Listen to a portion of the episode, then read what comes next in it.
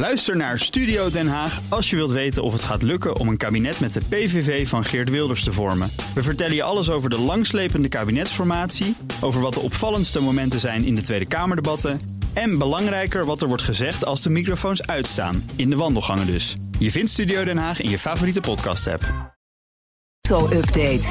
Ja, nou, Broekhoff van de Nationale Autoshow. Goedemorgen. Goedemorgen, hoi. Ja, nou, dus zometeen een, een Cybertruck die eh, volgens Elon Musk kogelvrij is. Gaan we het zo over hebben. Ja, ja. Maar eerst naar het CBR, het Centraal Bureau Rechtvaardigheidsbeweging in eigen, la- en eigen land. Want die houden fraude met theorie-examens in stand. Ja, schrijft het NRC. Ja. Eh, op basis van interne stukken bij het eh, eh, CBR. Ja, het gaat om fraude met die turbo-opleidingen. Wel eens van gehoord, van die websitejes. Altijd 1, 2, 3 geslaagd met een- geslaagd.nl, ja. dat, ja, ja. Ja. Waar je voor een paar honderd euro eh, je, ja, je rijbewijs kunt halen. Ja. Tussen aanhalingstekens. Zich klinkt dat prima, toch? Ja, je theorie. Ja, je- die theorie 90 voor... euro zag ik zelfs een aanbieding. Dat is Nou, niks. Wauw. Maar je kunt ook gewoon een boek openslaan en gewoon gaan Ja, dat studeren. kost allemaal tijd. Ja, maar dan weet je misschien wel iets meer van de verkeersregels. Go with blijkt? flow. Verschillende turbo-opleiders gebruiken gestolen opgaven die tijdens eh, de eerdere theorie-examens stiekem zijn gefotografeerd.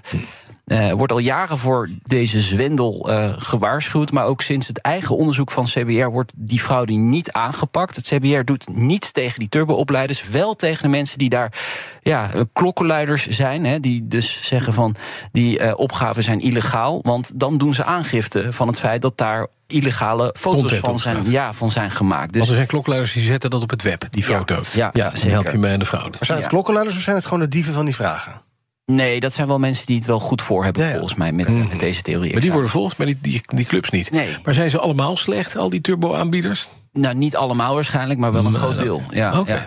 De reactie van het CBR is: ja, wij- er wordt altijd gewoon aangifte gedaan als wij vermoedens hebben van strafbare feiten. Ja, maar Dus dat snap ik. tegen de verkeerde dus. Ja, nou, ja, je mag dus geen opnames maken van die Nee, examens. precies. Dus dat, dat sowieso. Maar, zegt het CBR, ja, wij gaan ook niet eh, over toezicht op die theorieopleiders. Wij kunnen daarom niet of nauwelijks tegen eh, die malafide opleiders optreden. Dus eigenlijk hebben zij geen ja, handvat om dat te doen. Dus daar snap ik ook wel weer dat zij dan niet kunnen optreden. Nee, precies. Dus hier moet denk ik de politiek wat mee om daar eh, ja, verandering in, in, in, in te aan te brengen. Je Ja, zou zeker. zeggen, niet alleen de mensen die de foto's publiceren van die eh, illegaal eh, eh, eh, fotootjes die gemaakt zijn tijdens examens, maar ook de mensen die toepassen, die dat gebruiken Juist. in hun bedrijfsvoering. die moet je gewoon keihard straffen. Ja. Toevallig is eh, deze week Alexander Pechtold, de CBR-directeur, te gast in, in de Nationale Autoshow. Niets is toeval. Niet, nou, nee, daarom.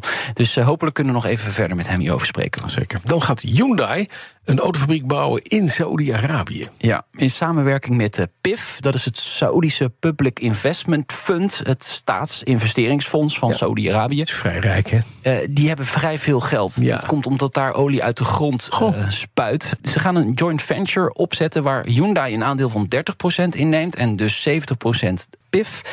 Een investering van in totaal 500 miljoen dollar. Eh, er gaan auto's met verbrandingsmotoren en volledig elektrisch van de band rollen. Ja, dit is een beetje de poging van Saoedi-Arabië om een beetje los te komen van olie. Hè. Olie raakt ooit, ja, je zou het bijna niet voorstellen, maar eh, de olie raakt ooit een keer op daar. Wanneer weten we niet, maar eh, ja, ze richten zich nadrukkelijk op ehm, andere business. En ja, de auto-industrie is daar dus één van. Ze gaan een eigen merk opzetten. Daar hebben we ooit een keer over gehad. Dat Sier, dat is een eigen elektrisch automerk. Eh, daar hebben we daarna nooit meer van gehoord. gehoord. Nee. Maar dat kan nog komen. Ze hebben een belang genomen in Lucid. Hebben het vrijdag nog eh, kort over gehad. Daar steken ze ook heel veel geld in.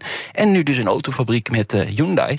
Ik krijg daar toch een beetje een nare smaak van in mijn mond. Omdat ja, Saudi-Arabië is gewoon een omstreden land. Eh daar gebeuren gewoon best wel veel dingen die het daglicht niet kunnen verdragen. En ja, met geld kun je dus gewoon alles kopen. Dat blijkt nu ook weer. Ook autofabrieken. Dus ja, ze zijn een eigen business aan het opbouwen op dat vlak. Eh, dat moeten ze vooral doen. Maar eh, mij zul je er niet zien in het land. Oké, dan weten we. Toyota verraste dit weekend met een voorbode van een elektrische Land Cruiser. Ja. En toen dacht ik, ja, dat ziet er toch uit als een kruis tussen een Honky en een Land Rover. Of een Range Rover eigenlijk. Ja, ik, het, het lijkt het meeste op een Range Rover Velar. Ja, de- Ja, daar heeft het veel van weg. Ja, de purist gruwelen natuurlijk al eh, als je het idee eh, opbrengt. Een, Mhm. een elektrische Land Cruiser. Eh, Land Cruiser is een icoon. Heeft een dikke V8-motor, vierwielaandrijving. Kan onherbergzaam terrein in. Ja. Ja, dat, dat, dat is gewoon een icoon. Dat, daar Is moet je vanaf blijven. door elke islamitische terrorist vindt dat een mooie auto, want het is handig. Die kan je over de woestijn in jassen. Eh, dat ook, maar eh, het, Rode Kruis maakt er ook gebruik van. Omdat het gewoon een auto is die overal rendeert. Ja. Maar tijden veranderen dus schijnbaar. Conceptcar, Land Cruiser SE. eh, de contouren van het model zie je er wel in terug, vind ik. Maar ja, het lijkt ook wel heel erg moderne interpretatie. Ruim vijf meter lang, drie zitrijen. We weten eigenlijk nog helemaal niks over de specificaties. Ik denk wel dat die gaat komen, want het studiemodel lijkt wel redelijk productie. Het wel een mooi ding. Ik vind hem niet lelijk. Nee. Nee. Maar ik vind de Range Rover Vilar ook niet lelijk. In tegenstelling tot de Cybertruck van Tesla. Die gaat ontzettend lelijk. Een auto om op te schieten. Ja, dat blijkt maar weer. Ja, de Tesla Cybertruck, volgens Elon Musk is die eh, kogelvrij. Wat is er aan de hand? Er zijn foto's opgedoken op X, eh, waarbij je een Cybertruck ziet rondrijden die eh, vol met kogelgaten zit aan de zijkant. Daar waren veel speculaties over en dus heeft Musk dit weekend zelf gereageerd met een bericht op X. Er is een Tommy gun leeggeschoten op de Cybertruck, zegt hij. Eh El Capone-stijl noemt hij het. Er is geen kogel in het passagiercompartiment terechtgekomen. Kortom, de buitenkant van de Tesla Cybertruck is kogelvrij, Ja. zegt hij. Wordt wel gelijk in twijfel getrokken, want er zijn geen beelden van. Dit doet me heel erg denken aan dat voorval tijdens die presentatie van die Cybertruck. Weet je dat nog? November Sure? Yeah. 2019. Oh my fucking god. Well, maybe that was a little too hard.